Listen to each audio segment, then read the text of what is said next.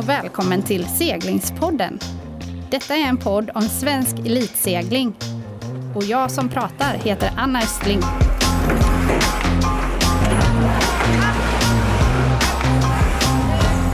Seglingspodden presenteras i samarbete med Helly Hansen, Båtmässan Göteborg, Pilot Pen och Brant Båt. Välkomna tillbaka till ett nytt avsnitt av Seglingspodden och superkul att just du tar dig tid att lyssna. Jag tror att du som seglare kommer kunna ta med dig flera konkreta supernycklar till att bli en bättre seglare från just detta avsnitt. För nu, nu ska vi nämligen få höra allt från vår senaste OS-hjälte, silvermedaljören och för alltid med titeln OLY, en världsmästare som verkligen tankar sin energi på havet. Välkommen till seglingspodden Fredrik Bergström!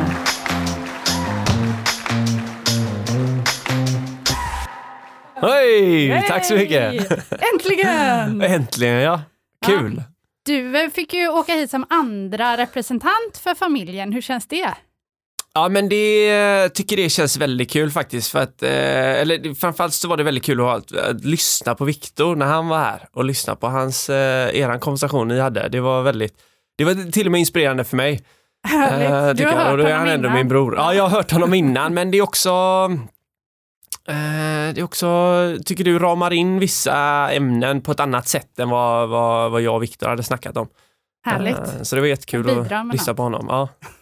Jag hörde att din kära mor hade sagt till dig att hon har aldrig hört Viktor prata så mycket. Nej, Under en exakt. exakt, hon var lite förvånad och väldigt, hon var lite stolt. Ja. Härligt. Ja. Eh, en som pratar lite mer än Viktor är ju ändå du. Kan vara så ibland. Ja, Ja. Det är jättekul att ha dig här. Du är inbjuden, självklart eh, för dina meriter, men också av en himla cool seglare som önskade dig. Phil Robertson. Mm, jag hörde det. Ja, hur är er relation? Eh, jo, men vi har ju gemensamma, eller vad ska säga, våra, hans fru och min, eh, min blivande fru får man väl säga, Åsa då. Eh, de känner varandra sedan innan. Eh, och sen så har vi ju eh, gemensam hobby. Eller gemensamt jobb kan man säga. Ja, vad är det Segling kan man säga. Ja. om det är hobby eller jobb eller om det är Ja. bägge två.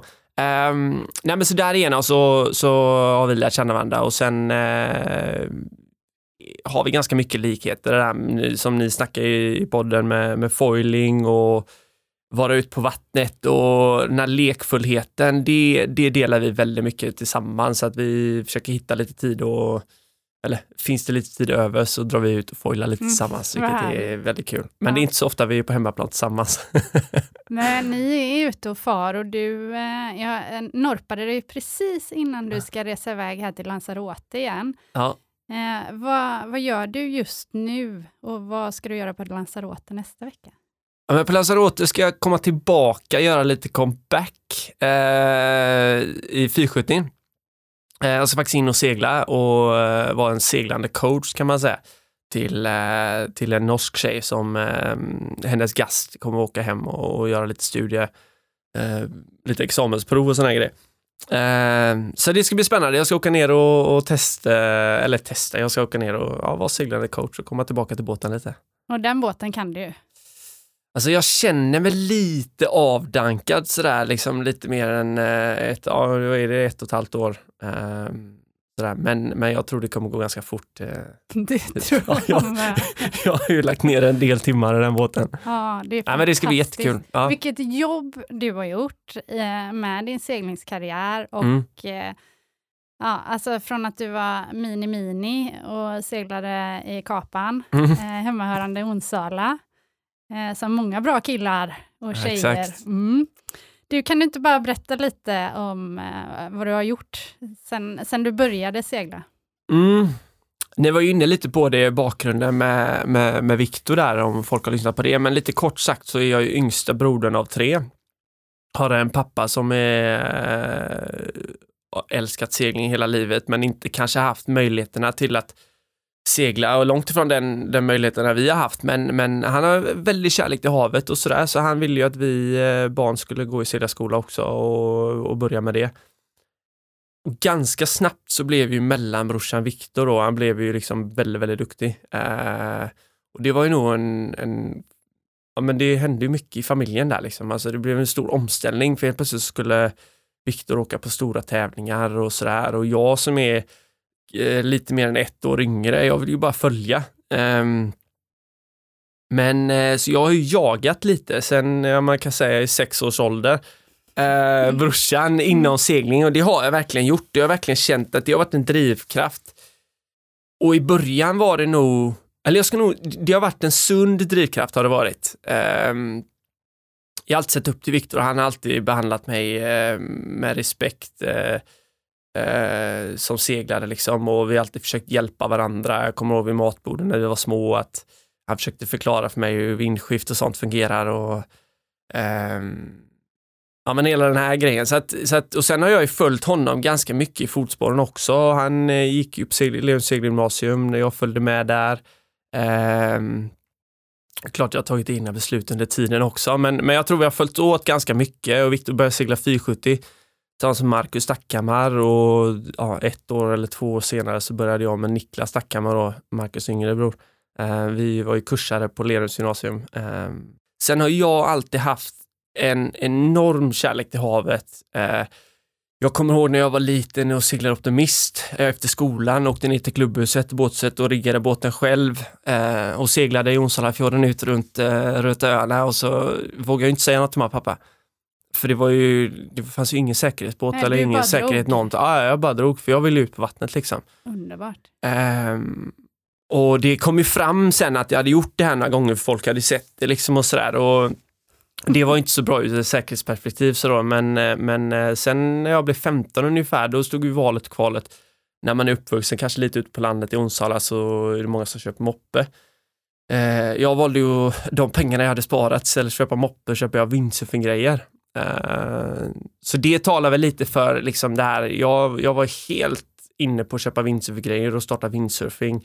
Och jag gjorde det och tog varje tillfälle jag kunde. Sen vet jag att på gymnasiet så köpte jag lite kite-grejer och jag vet några gånger så åkte jag liksom på morgonen åkte bussen till Lerum från Onsala. Eller tåg. Sen gick jag i skolan. Ehm, de dagarna slutade tidigt åkte jag hela vägen tillbaka till Onsala.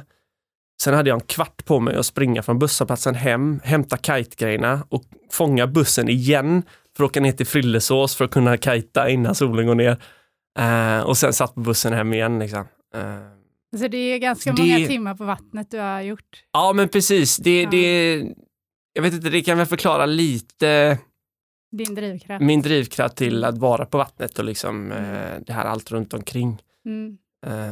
Och 470 mm. har ju varit din verkliga liksom, fasta punkt om man mm. eh, tänker, du har ju ändå varit modig och liksom kört massa olika saker som du är inne på här nu då. Men vad säger vi till Phil då som säger att 470 är den mest tragiska och långsamma båten i hela världen. Ja, men jag kan förstå det lite på ett sätt om man vill springa fram och testa nya saker väldigt mycket.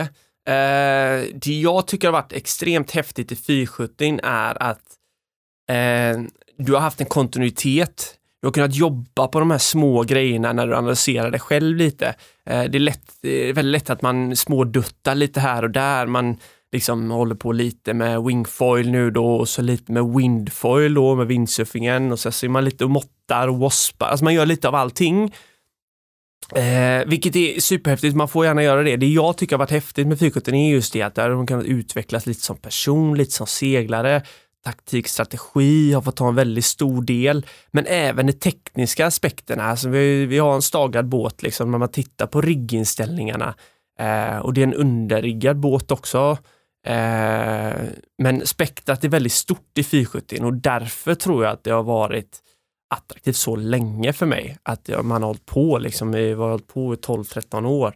Uh, och nu ska vi inte, ja, men om man jämför Anton har hållit på ännu längre, men, men jag tror jag talar kanske för oss bägge två där att, att 470 är väldigt fin i den aspekten att du kan hålla på länge om du är nyfiken.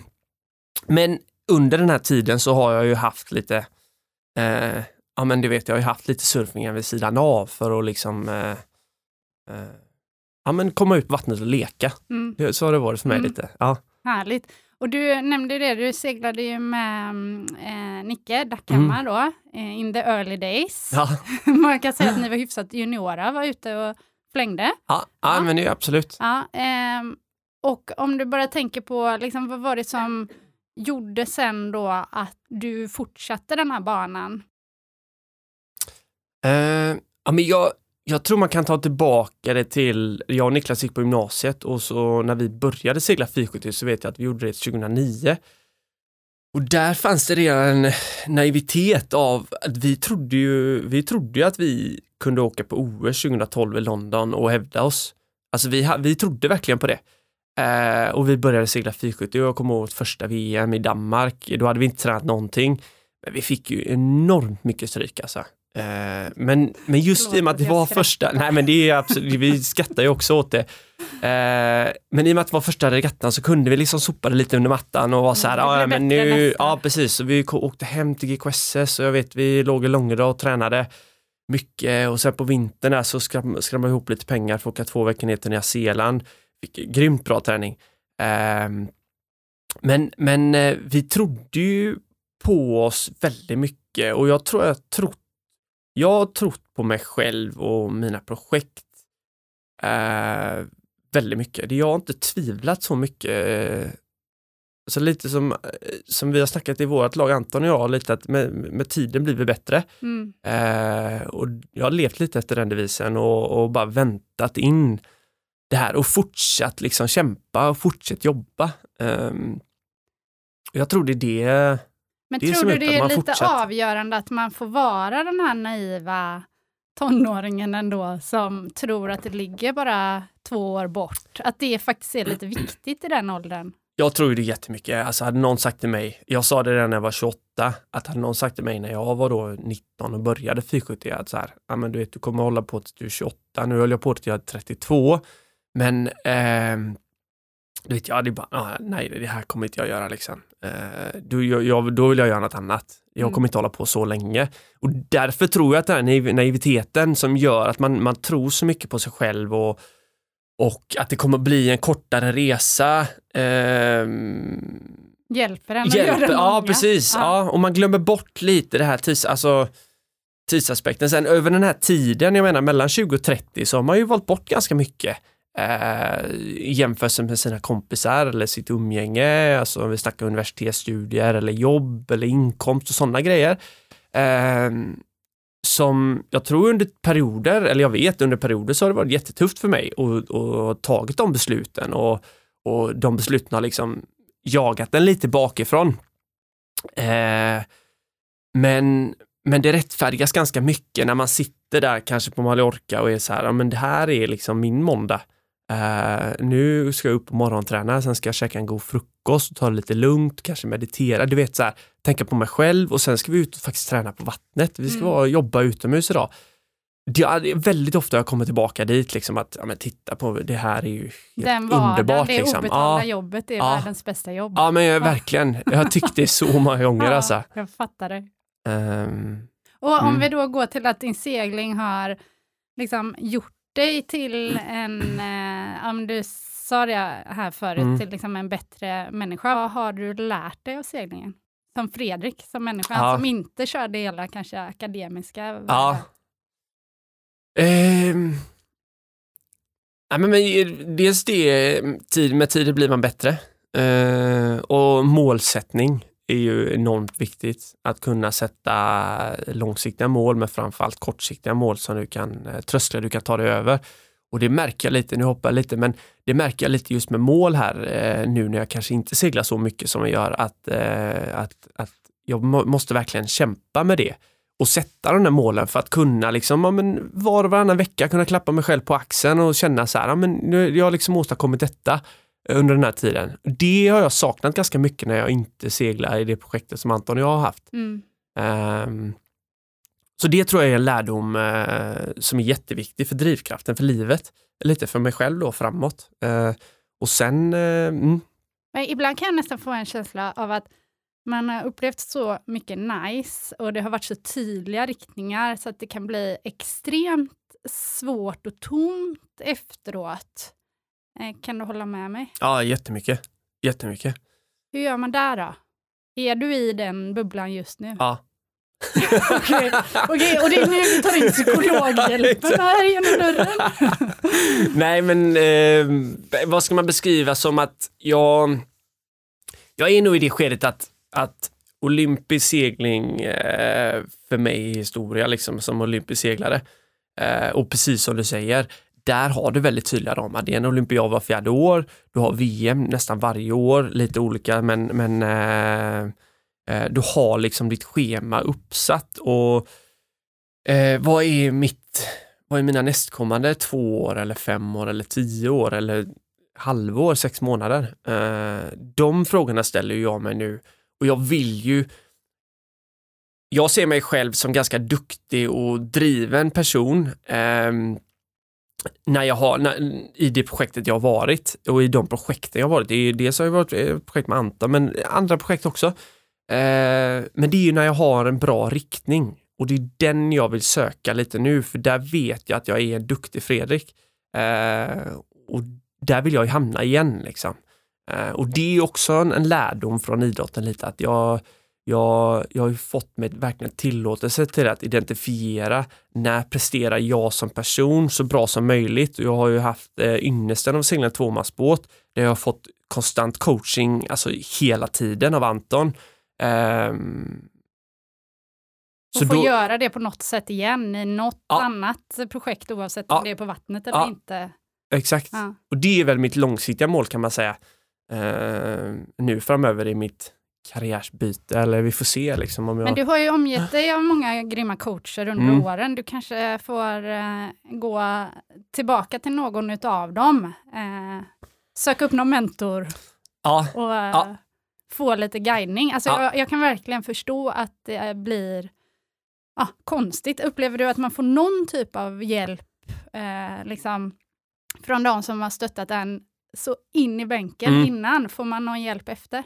Ja, men det, ja, det, det tycker jag verkligen. Eh, sen är det ju alltid så att om man ska fråga någon om hjälp så ska man veta vad man ska fråga.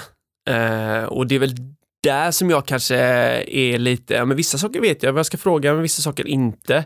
Och, och, men jag är väldigt trygg att det, det finns många personer som varit med runt hela resan och delar av resan som är väldigt kompetenta i olika områden. Som du säger, olika coacher här nu. Liksom. Det, visst har det funnits seglarcoacher men det har funnits mentala coacher och livscoacher också. Mm. Eh, jag tror att jag har haft hjälp vid sidan av seglingen att liksom hantera mitt civila liv också. Alltså Fredrik som inte är seglaren. Vem har hjälpt dig då?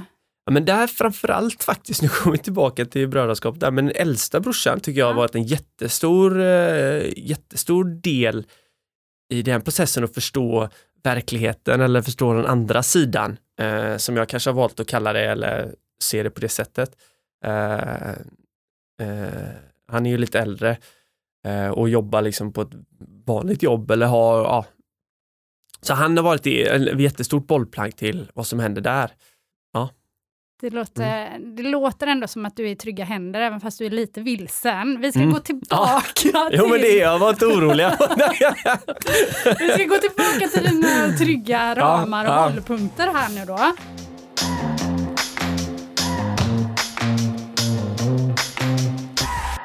Podden presenteras ju i samarbete med Pilot Pen och Pilot Pen stöttar många olika projekt för att bidra till ett renare hav. Dessutom producerar de pennor gjorda av just återvunnen plast från havet. Så fundera på vilken typ av penna du använder när du skriver dina julklappsrim i år. Tack så mycket Pilot Pen för att ni stöttar Seglingspodden.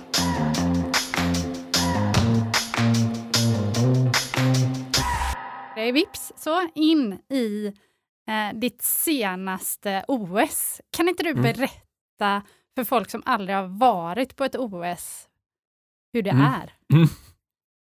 Det var enkelt. Ja, det var enkelt ja. um, jag har varit på två OS. Bägge de två OS skiljer sig väldigt mycket åt tycker jag.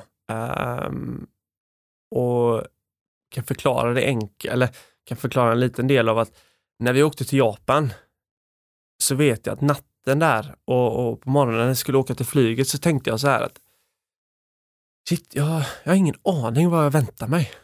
Vi ska åka på OS här nu och vi hade ganska gott om tid, förberedelsetid. Jag tror vi skulle vara där fyra och en halv eller fem veckor. Så det var inte så att vi åkte till tävling och tävling med en gång. Men det var, jag vet verkligen så här, var kommer vi bo?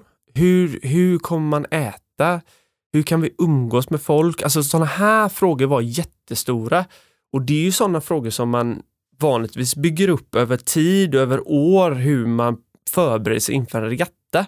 Då vet man, ja men Anton och jag kanske vi, vi uppskattar att ha varsitt sovrum eller och du vet, ja, jag äter frukost innan eller ja du vet, det finns massa sådana små grejer som gör att man toppar sig själv till att vara så bra som möjligt när det väl smäller. Och nu åkte jag till OS vår, vår sista tävling är fyrskjutning tillsammans och vår tävling där vi kanske är som bäst, där vi vill prestera som bäst utan att ens veta hur vi skulle bo och väldigt, väldigt dålig koll.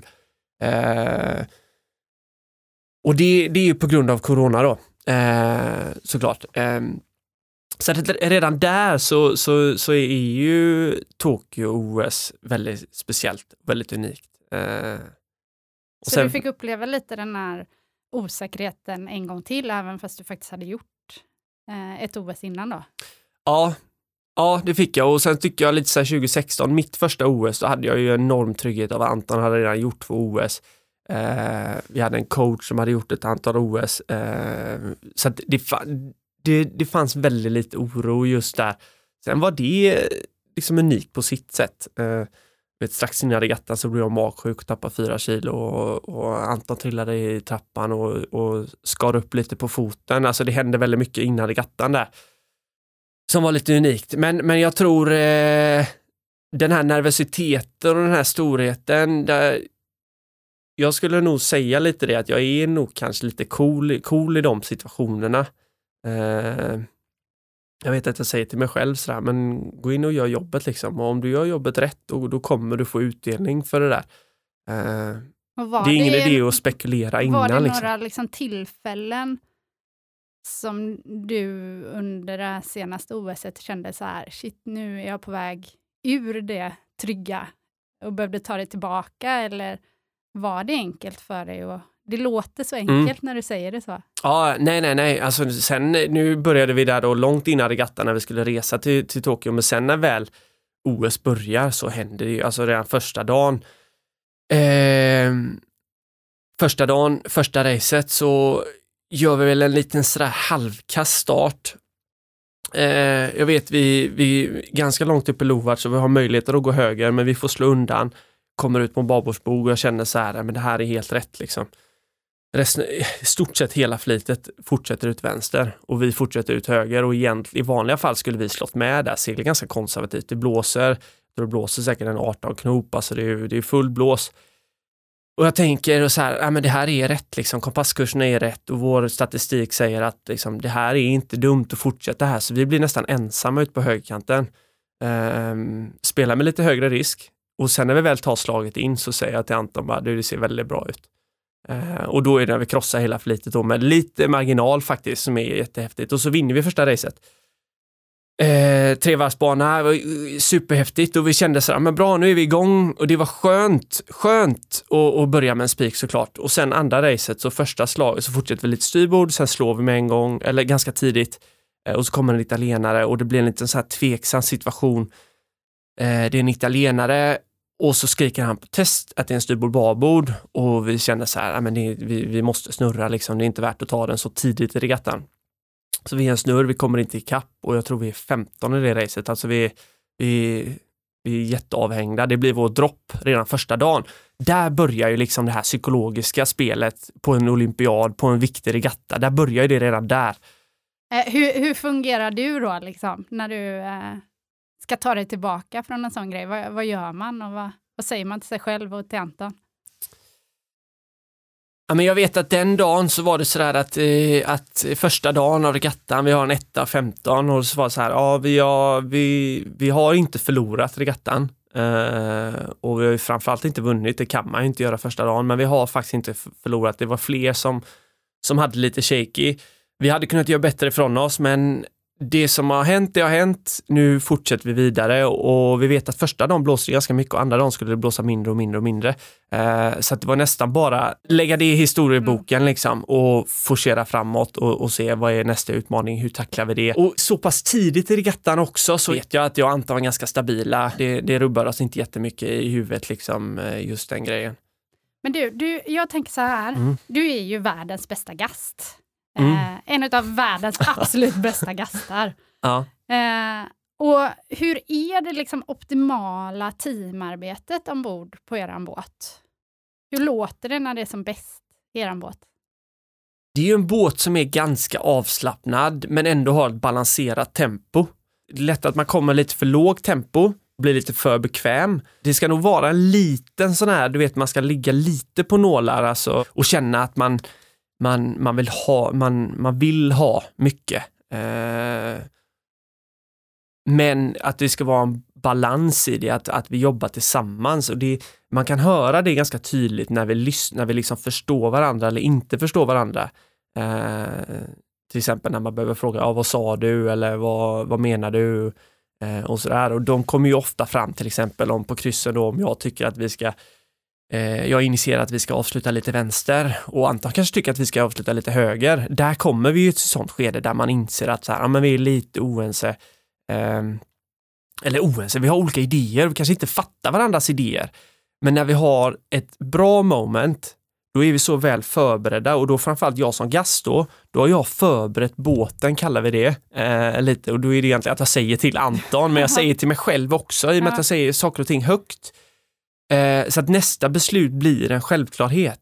Eh, det blir liksom inte så mycket frågetecken, att båda förstår vad är gameplanen här. Eh, och, och det här då, om vi ska avsluta lite mer på vänsterkanten så, så förstår båda två strategin och taktiken bakom det. Man har liksom gjort en build-up som gör att det är inget val man tar sen, det är självklart. Ex exakt, mm. så Anton kanske bara är du vet, helt inzoomad i tälttaserna i focken. Han har fortfarande i bakhuvudet så fattar hittar han den här strategiska bilden på sin karta liksom.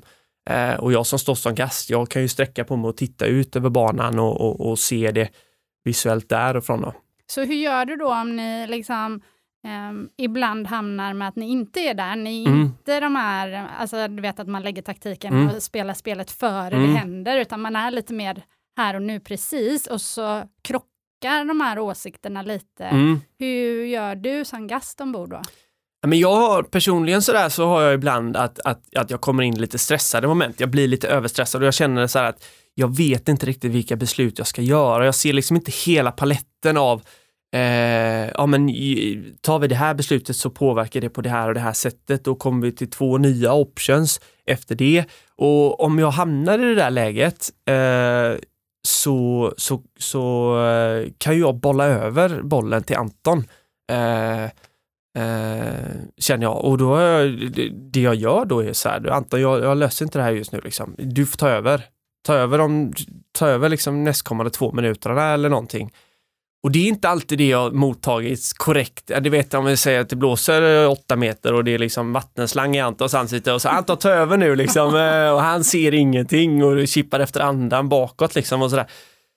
Eh, men, men, eh, men, men det har funkat. Eh, det har funkat och då har jag kunnat bolla över, bolla över dit och så är det klart jag släpper ju inte allting. Liksom. Men, men, men då det kanske en liten släpp. att ja, man kan Ja, verkligen. Och jag känner nog inte att en förväntning från Antons sida eh, Klart vi har gjort det över tider när vi, när vi utvecklar saker, när vi tränat, så vi, när vi pushar varandra så har vi ju känt det, så har vi ju känt en liksom stress över, ja, jag måste tillfredsställa Anton här nu och jag tror att Anton har känt samma, att han måste tillfredsställa mig. Men det, det, det är ju liksom i, i ett område, i, ja precis, mm. i en miljö där vi, där vi kan göra det. Mm. I tävling, då står vi ju och vinner och förlorar tillsammans. Alltså där har vi en väldig trygghet till varandra. Mm. att Vi är två i den här båten. Liksom. Vi, vi startar på samma linje och vi går i mål i samma mållinje.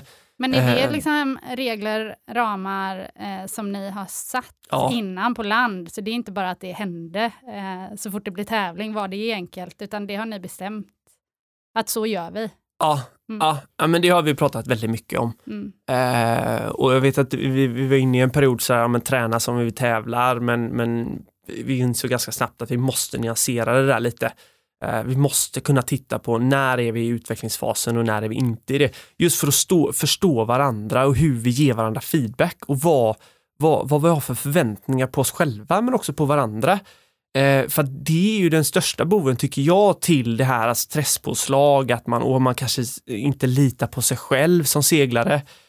Eh, att man sätter för höga förväntningar. Eh, och jag har väl alltid, för ta det där, så är det många som har frågat mig så här, men vad har du för resultat, eh, resultatmål och ja, jag ska åka till OS och så vill ni kanske ta, ta medalj eller åka till VM och ta medalj och sådär. Ja, men det är jättehäftigt att ha det. Det har aldrig funkat för mig utan jag har haft prestationsmål istället. Att så här, ja, men om Fredrik hamnar i den här zonen som vi precis har pratat om, där han är ganska balanserad och informativ i sin kommunikation till båten och Anton, och då presterar jag bra. Eh, är jag i en bra fysisk kommer. förmåga, ja då presterar jag bra och då vet jag att om det här är våra konkurrenter, ja, men då kommer vi kunna slå mm. dem och då, kom, eller då kommer vi slå dem mm. och då kommer vi också få medalj i slutet av regattan. Var det så samma så har jag nog för sett det. Alltså målsättningarna när du jobbar med en annan person i båten? Då? Var det, har Anton haft samma filosofi? Nej, det tror jag inte. Där tror jag vi har varit olika, alltså när vi har snackat, suttit och pratat så här inför en regatta, eh, så har vi haft olika. Vi har vi har liksom uttryckt oss på olika sätt och haft olika personliga mål. Um, och hur gör man då när man sitter och ska sätta sin målsättning om man är så pass olika? För det kan jag tänka mig är många båtar. Ja. Uh, jag har precis samma grej ja. i, i våra team. Ja. Hur, hur gjorde ni för att liksom Ja, men jag tror, eller tilliten till att den andra personen sätter upp sina mål utefter, utefter kanske teamets stora mål då. Alltså jag, för Anton och mig har det alltid varit så här, men vi vill ju bli bäst i världen. Vi vill ju liksom, vi vill segla på en enormt hög nivå. Okej, där är grundförutsättningarna. Och sen, sen hur man säger att man vill ta sig dit, det tror jag man måste inse som, som en lagspelare där. Det finns, folk kommer uttrycka sig på olika sätt. Eh, man kanske säger samma sak och man kanske inte ens behöver säga samma sak heller. Man ska ha den ömsesidiga respekten av att ja, men, vi är på väg mot samma mål, men på olika sätt. Men du gör din grej för att du tror på det eh, och jag gör min grej, jag tror på det. Men det är viktigt också att man förstår, man, man har ju den respekten och förstår um, ja, det blir lite luddigt här liksom, men man, man, man förstår varandra, hur att den andra ger allt och då eh, kommer man liksom ta hela projektet framåt? Börjar man tvivla på det där och inte och försöka förklara eller försöka rätta någon hur man ska tänka och tycka, där börjar det ju skapa lite konflikter. Eh, är det någonting som du tror kommer med liksom erfarenheten och åldern som faktiskt är enklare att uppnå med den här tiden som du säger, tiden mm. gör att vi blir bra. Ja. Är det sånt här som gör att tiden gör att ni blir bra på detta också? Ja men det tror jag jättemycket, för jag tror att det ligger väldigt mycket erfarenhet i det där. Man har testat flera olika vägar eh, och man lär känna sig själv och man lär känna laget och man lär känna, känna eh, liksom vår del och flitet. Hur reagerar flitet i olika tillfällen? Eh, för det är det som är lite häftigt med segling, att vi har ju, vi har ju oss själva men vi har också skillnader från att ena dagen är det hårdvind och andra dagen är det lättvind och det händer väldigt mycket däremellan och du själv ska göra justeringar men du kan också göra justeringar gentemot vad flitet kommer göra för justeringar. Eh, så att du kan, där ibland kan du få lite easy gains faktiskt. Hur då? Du måste beskriva. Eh, men jag tycker alltid, jag, en sak som jag alltid har levt med och, och som, som jag alltid tänkt sådär, men jag är jag har någon sån här eh, dold talang av att men första dagen på regattan så är, så är jag riktigt bra.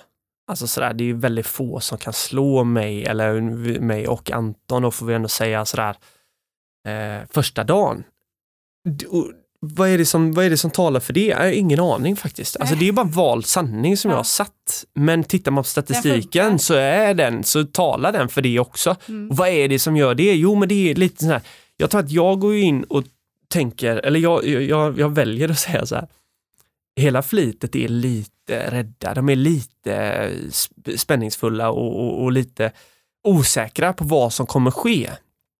Där jag är så här, okej då är de det, ja men då gör jag tvärt emot. Är jag ganska säker på vad som Mm. kommer hända. Lite Snyggt. första, första Ja. racet på OS, alla går vänster, vi vågar gå höger. Du blir mer distinkt för att du eh, intalar dig själv att de andra är mer Exakt. oroliga. Exakt. Fasen vad smart! Ja. Det är ju briljant! Vi jobbade med Kjell Enhager och han beskrev en basketkille som aldrig, alltså han, han gjorde alltid flest poäng, men Mm. han kunde inte sätta första. Nej. Eh, så då fick de jobba med att han fick sätta första i sin tanke innan han gick ut på planen. Ja. Eh, och sen Ja. satte han sin Ja. andra då. Ja. Eh. Fast det var, var hans andra skott, första liksom. Ja, enligt precis. publiken. Ja. Ja, det är coolt. Ja. ja, men det finns många, det finns många sådana här eh, små grejer och för att återkomma till det du frågade lite där, att, att det är med tid och erfarenhet så, så lär du dig några sådana här grejer. Och, och det vill jag nog, en, liksom en liten passning där tror jag till, till eh, blivande seglare eller till folk som är seglare som lyssnar på den här podden, att, att ta tillfälle i akt och, och analysera de besluten, du gör när du är ute och tränar och tävlar och, och försök utveckla dem. Uh, och kanske det är jättekul att åka ut och bara köra en segling bara för skojs skull, ut, och- åka ut och leka. Eh, men om man vill bli bättre så är det ju som alla saker i livet att försök välja ut några grejer och ta dem tillbaka, analysera dem och se vad du, hur du kan utveckla det och hur du kanske kan skapa dina valda sanningar då eller eh, dina illusioner så att säga. Ja, Jag gillar också det här med, det kan vi också skicka vidare lite tydligt nu då, att när man tränar, att man kan våga liksom bli lämnad lite ensam med vissa beslut och behöva Mm. liksom, ja, inte bolla över eh, om man känner sig otrygg, utan våga testa om det är träning. Mm. Eh, men är det tävling, att man har den öppenheten, att man känner att shit, jag, har, jag känner mig osäker, kan du ta över? ja men Att man gör skillnaden på Ja. träningen och tävlingen. Jättemycket och, och här vill jag också bara förtydliga att eh, tänk på det att prata om detta innan eh, så, man, så, så den andra personen, om man nu seglar, Vet om en, det. ja vet om det, ja, eller det andra laget Ja. vet om det. Eh, för ibland får man hjärnsläpp liksom. Eh, och då är första escapen? Och jag kan tänka mig det, när, när ni, ni är ännu fler i laget. Och jag är helt övertygad om att om ni nu är fyra laget och någon får det, vad är första passningen? Då Mm. kanske man ska sätta det på bordet innan. Vem kommer jag bolla över den här lite taggiga bollen till? Eh, och att jag gör det till samma person varje gång, för då har du kontinuitet och kan den ta emot den bollen eller den dåliga passningen på ett, ett bättre sätt. Liksom. Mm. Andra, tredje, fjärde regattan eller gången i händer. Mm, skitbra. Ja. Tydliga nycklar om hur eh, framtidens OS-medaljer ska Ja. tas. Det är bra. Du, eh, vilken situation är du mest stolt och nöjd över om du ser tillbaka på alla dina seglingsår? Ja men det, alltså, det, det blir svårslaget, OS-silvret blir svårslaget uh, i nästintill alla kategorier skulle jag säga. Det var, vi har varit inne och nuddat lite på det, men det var en extremt häftig regatta och, och den inkluderar liksom både hårdvind, lättvind, den inkluderar ett skifte i mitten på regattan. Ja, vi kan ta det lite kort som är, jag tycker det är ganska intressant att jag vet att de första tre dagarna så seglar vi och vi känner att vi får inte riktigt till det. Vi är liksom inte, vi är inte de som briljerar utan, utan vi... Det är någonting som inte riktigt funkar, eller inte funkar, men det är så här, vi, vi vill ha det, vi vill, vi vill mer. Vi vill att det ska Vi vara bättre. Ja, vi får kämpa Mm. väldigt mycket i olika situationer. Mm. Och efter tre dagar så har vi en, en vilodag.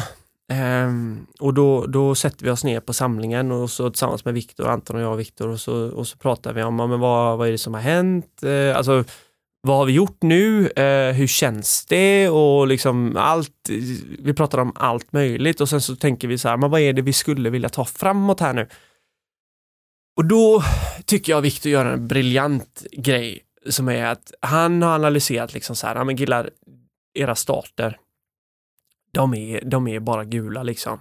Grön, gul eller röd. Eh, ska vi ta medalj på det här OSet så behöver de vara gröna. För det är ju på det sättet vi tar topp tre placeringar och vi måste upp och ta pallplatser på racen för att kunna ta medalj här. Eh, och viktigt att ta fram lite statistik från de här tre dagarna som han har gömt från oss sedan tidigare och, och vi, vi börjar analysera det här och börjar titta lite på vad är vi faktiskt på linjen för att det finns ju väldigt mycket digitala verktyg nu för tiden som man kan använda sig av men det kan ju bli rörigt. Mm. Och vi valde då efter tre dagar så valde, vi, eller valde Viktor egentligen att plocka fram det här till Anton och mig. Eh, och därifrån så gjorde vi en skillnad att okej okay, nu har vi två dagar på oss här, vi har fyra race.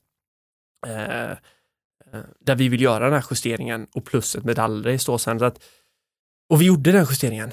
Eh, och vi kände, du vet, den här lilla, lilla, man gör om siktet lite på starten och vi tog oss fram liksom kanske en meter till, vilket gjorde att vi fick ett mycket bättre slagläge första minuten efter, efter starten, vilket gjorde att vi började plocka in de här bra resultaten. Eh, och det tyckte jag verkligen var ett skifte i laget eh, och en briljant coachning från Viktors sida och ett litet uppsving mot slutet av regattan också. Känna att nu har vi något nytt vi ska fokusera ja, på. Ja, ja, verkligen. Lite nytändning. Ja. Mm, häftigt. Ja. Och eh, vi eh, alla har ju sett de här bilderna på när ni kommer in och ja, det är ju helt makalöst. Ja. Alltså världens största grattis. Ja. Alltså, det är din främsta seglingsprestation och det minnet du för alltid kommer ta med dig. Vad har den OS-medaljen, alltså vad har den betytt så här, efterhand? Hade du förväntningar på den? Mm. Eller vad? Hur är det? Jag har ah. ingen OS-medalj. Hur Nej. är det att ha en? eh, men för mig personligen så är det, så är det en, en så är det som ett litet kvitto. Det är en bekräftelse på att, och detta är mina ord då på att, på att jag åstadkommit någonting i livet. Um, och det där ger... åkte vi alla andra ner i källaren. uh, nej, men ja, jag har 100% ja, respekt. Ja ja. Nej, men jag, um, det har ju varit ett väldigt stort mål för mig att lyckas inom seglingen och för mig är att ta en OS-medalj har för mig varit de senaste decenniet har varit liksom så här, men om, om, om jag tar en OS-medalj så har jag faktiskt lyckats med det här seglingsprojektet.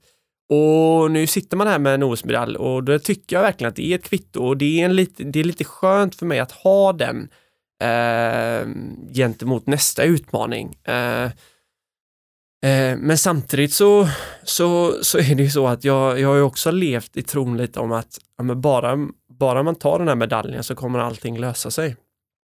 Och vad är allting då? Jo, men det finns ju vissa knutar i livet, liksom vissa utmaningar som, eh, som man kan sopa under mattan och vissa val man har tagit över tiden som, som alltså konsekvenser av att man har seglat så mycket, rest liksom över 200 dagar om året och, och eh, missat väldigt mycket och jag har nog levt i tron lite om att om man tar den här OS-medaljen så kommer allting lösa sig, ekonomi, du vet man kommer bli kändis eller vad det, jag vet inte vad det har varit men det, det, har, det har infunnits den, käns, den tanken ja. lite.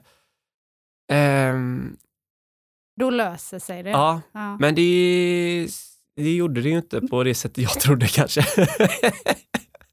och det är väl klart, man kommer tillbaka till verkligheten och det ska inte låta dyster men men eh, jag är enormt stolt över, över den resan eh, Anton och jag har gjort och det resultatet vi har fått. Eh, det är absolut det största framgången jag har gjort i livet. Och superhäftigt och jag unnar liksom folk som strävar efter det, jag unnar alla att få uppleva det som vi har upplevt. Eh, Men kan du nu sen... se mer tydligare typ då att liksom, allt du har lärt dig på vägen dit, allt du nu kan om att eh, liksom samarbeta och jobba hårt. Alltså, är det värt mer än vad liksom, medaljen är värd? Ja, men jättemycket. Och det är lite det som är den här bekräftelsen av att ja, men, faktiskt de här, de här målen som Anton och jag satt upp eller de här, de här, eh, det här ramverket som vi hade för vår relation det är ju faktiskt någonting som man kan applicera någon annanstans, för det är ju faktiskt en fram, alltså det här var en framgångssaga. Vi tog ett OS-silver och vi utvecklade vår segling från en nivå till en nivå som, som tar hem en OS-medalj som är en extremt hög nivå på idrottande. Och Det finns ju många sådana här nycklar som jag tar med mig i, i mitt bagage liksom från den här satsningen och från det här, ja, men från det där decenniet i fyrskyttesegling. Så att från det här att liksom världen skulle inte förändras om man tog en silvermedalj till att man får lite nyanserat liv och, och börjar känna lite att, ja, men, precis som du säger, att det finns så många framgångsnycklar som jag kan ta med mig som har kommit utifrån hårt arbete. Och vem vet, det kanske är så att den här silvermedaljen låser upp några knutar och dörrar i framtiden. Det har du ingen aning om. Exakt, ja. det vet jag inte. Det blir spännande. Ja. Det får bli podcast nummer två med Fredrik ja. Bergström. Kolla vad den här OS-medaljen ja, precis, gjorde. Precis.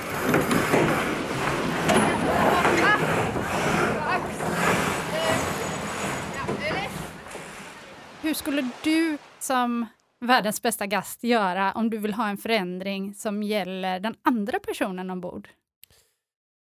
Eh, ja, men eh, eh, jättebra fråga. Och eh, eh, en, eh, kan man det så har man jättebra verktyg, men eh, för mig har det varit, eller är det, kan man använda lite olika nycklar, men ehm, ett exempel då, Anton kanske är lite stressad, känner att han har ett lite stresspåslag och att han inte känner att, att båten funkar och jag får en upplevelse av att det är lite rörigt där inne nu i hans lilla hjärna liksom eh, och där bak i båten.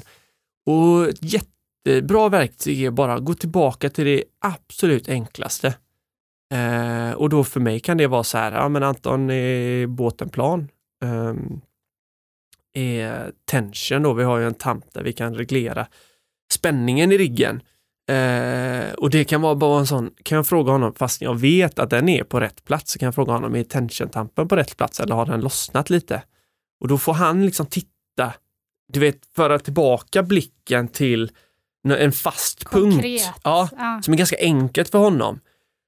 Eh, och jag kan ju vända den här frågan lite också som jag tycker är, för mig, jag har fått den här frågan ibland och jag, jag, för mig har det ju verkligen gjort en jättestor skillnad. Hur har jag, när jag har hamnat, alltså jag kan passa, passa bollen till Anton, men om jag ska ta tag i det själv också, om jag känner att Anton är lite overloadad och jag kan ta tag i mig själv, hur ska jag komma tillbaka? Precis det här som vi pratar om och hamna de enkla grejerna, så hade jag tre stycken punkter som är det viktigaste. Det första jag gjorde var att kolla upp i storseglet där vi har en liten ruta där jag kan se akterliket, tältajsen på akterliket, Focken, för Focken är ju min då. Tittar jag, står tällan, ser den okej okay ut? Ja, den ser okej okay ut. Kolla ner på markeringen som har min fockmarkering. Kolla ner, är den på rätt nummer? Ser det där rätt ut? Ja, det ser rätt ut. Fram med blicken på båten, på fören. Titta, är båten i balans? Är den liksom plan båt? Ja, det är den. Och sen fortsätta med blicken ut för att ta nästa beslut. Är du med? Som är det tre för att punkterna. komma tillbaka till dig själv? Exakt. Ja. Exakt, att komma tillbaka till vad är, vad är mitt nästa call? Vad är mitt nästa beslut? Och de här tre fasta punkterna kan jag alltid komma tillbaka till och det är ett repetitivt beteende som gör att när jag sen svävar ut och ska titta ut över fjärden eller titta ut på konkurrenterna så har jag liksom glömt av den där det där, ja, den där stressen eller det som kanske något beslut som jag var lite förbannad mm. för eller så här. Utan och då börjar jag blicka framåt. Är det som din delete framåt Ja, ja mm. jättemycket. Och jag, jag vet. Anton också någon sån, vet du det? Ja, inte, inte lika väl förklarat som jag kan förklara min egna då, men jag vet att han har det också. Mm. men det, det, är nog bättre om han mm. förklarar det själv tror jag. men hur gör ehm. man då om man inte riktigt vet att man behöver ta till den där kan man inte få hjälp av varandra? Liksom? Kan du eh, ah, steppa in och säga till, du, fan, ja. du där bak som röjer runt nu, ja. kan du lugna ner dig? Ja. Jo, jo, men det, jo, men det kan man göra, men det är ju det som jag menar lite, om jag känner av kanske att Anton var eh, lite stressad eller så här, så hur kan jag föra in honom på eh, de enklaste mm. grejerna. Mm. Liksom. Alltså, och läns är ju en jättestor grej. Alltså, där, där, där, där håller vi på med 470 och, och pumpar och, och, rullar och så här. Det är ett väldigt liksom, levande spel hela tiden. Det är väldigt lätt att du vet, eh, hela orkestern spelar helt osynk liksom. och vad gör man då? Alltså, det, mm hur kommer man i fas? Och där är det bara, nej men nu sätter vi oss ner i fyra sekunder och mm. inte, inte ja. rör någonting. Ja. Liksom. Ja. Bara sitt still, bara paus och så bara åker vi. Och sen tar vi tag i det en gång till. Då. Det är massa sådana här... Omstart. Ja, omstart. Ja. Mm. Blir det liksom någon gång irritation om du skulle föreslå det ombord? Um, ja. Alltså känner den andra då Ja. att, ah, just det, det är klart han har rätt, Nej. eller nej? Nej, nej, ibland är det, ja, och vi har haft situationer där jag känner så här, nej men det här funkar inte liksom. Alltså liksom, båten går inte framåt. Eh, där kanske Anton känner att, ja men vad, vad, vad snackar du om? Det är inga problem här. Eller vad, ja. Och där vi verkligen ser det på olika sätt och då är det rätt svårt för mig att få till en förändring. Eh, och vice versa också. Att han kan känna att ah, men det här vi måste göra en förändring nu och jag känner nej lägg av, vi ska inte göra en förändring, det här går ju kanon. Eh, och hur gör man då när man är i ett stressat moment? Eller man är ju alltid det, lite påslag under tävling. Eh, men där får man ju lirka sig fram och hitta lite och försöka förstå vad är det du menar då? Ja, men det här funkar inte, det kanske inte är det. Det, det är kanske den absolut sämsta kommentaren man kan göra in i en båt. Man måste vara lite mer konkret. Mm. Det här funkar inte för att båten rullar för snabbt. Eh, det är för högt tempo eller den är för svår att trycka till. Vi seglar lite för hög kurs när vi är högst som högst eller vi, vi Mm. faller av för mycket. Komma tillbaka till det konkreta. Ja, ja, man kan inte säga det här funkar inte och sen lämna det där.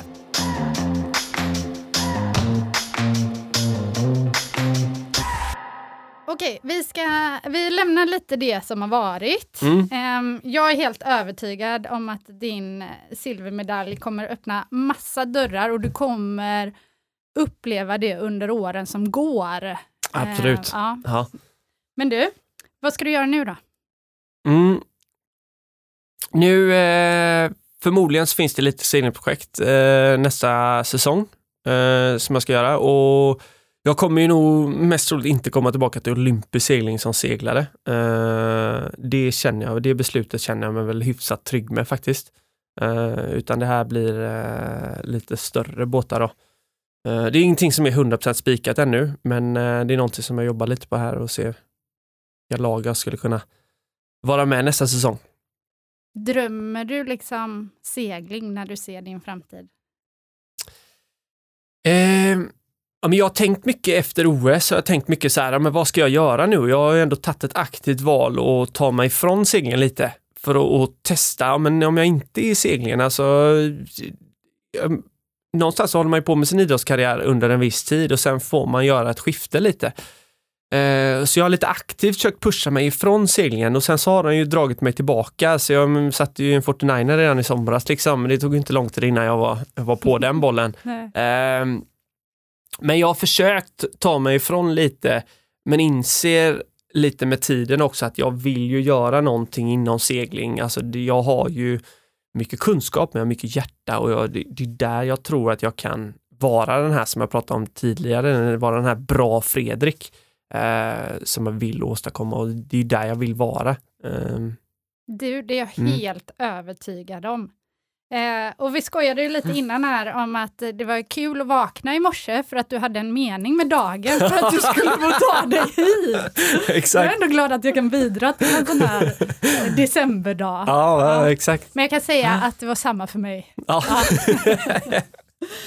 Ja, underbart att prata med dig. Du är så ödmjuk och eh, god. Ehm, bara det att vi innan vi började trycka på rec här så sitter du och pratar om vem du skulle vilja höra i podden efteråt så att jag nästan får backa och säga du förresten vi ska spela in dig här nu. Det är dig vi ska prata om och dig vi ska prata med. Då var du redan liksom på andra som Ja. är spännande. Ja. Ja, det är fint. Eh, så vem vill du höra i seglingspodden framöver? Ja, men jag får ju först, den är ju väldigt intressant och rolig och en bra podd, Seglingspodden. Lyssna på de, de eh, avsnitten som har varit. Och det har varit grym, grymma personer i podden eh, och du sköter dig hur bra som helst Anna som poddansvarig. Jag tycker det är alltid eh, jättekul att sätta på det här på lördagar liksom, du vet när man kan gå verkligen och lyssna på det.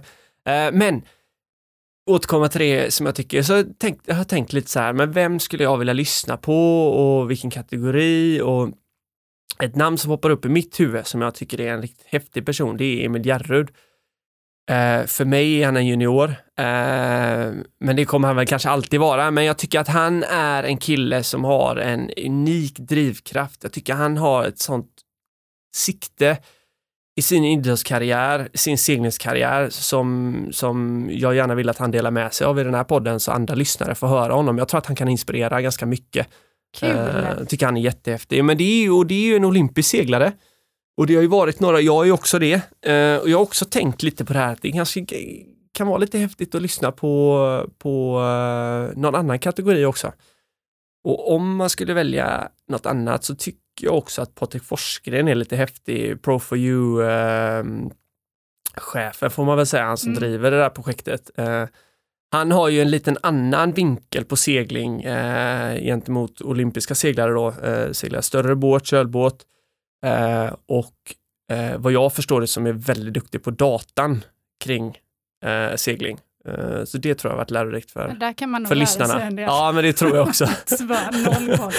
Men också det här att han känns så, eh, liksom, i hur han delar med sig och vill Ja. få med fler. Eh, Ja, det är inget ont om eh, alla olympiska seglare, men man vill ju eh, göra sin egen väg eh, Ja, så bred som möjligt när Ja. man är OS-seglare. ja, ja, verkligen. Ja.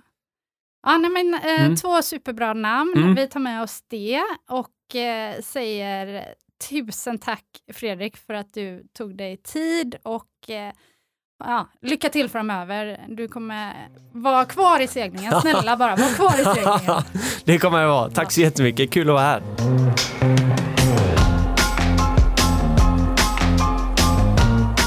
Och tänk vad nice det är att faktiskt få sitta ner och prata tillbaka på minnen och saker som man gjort så att Fredrik nu inser hur grymt det har varit när han står och letar efter nya saker att göra. Vilken resa han faktiskt har gjort.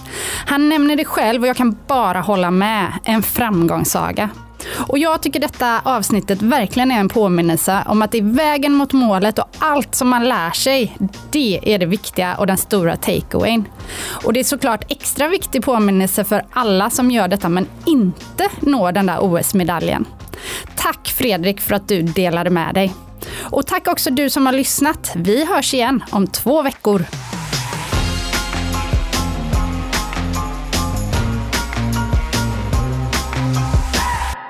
En poddproduktion av Fredag.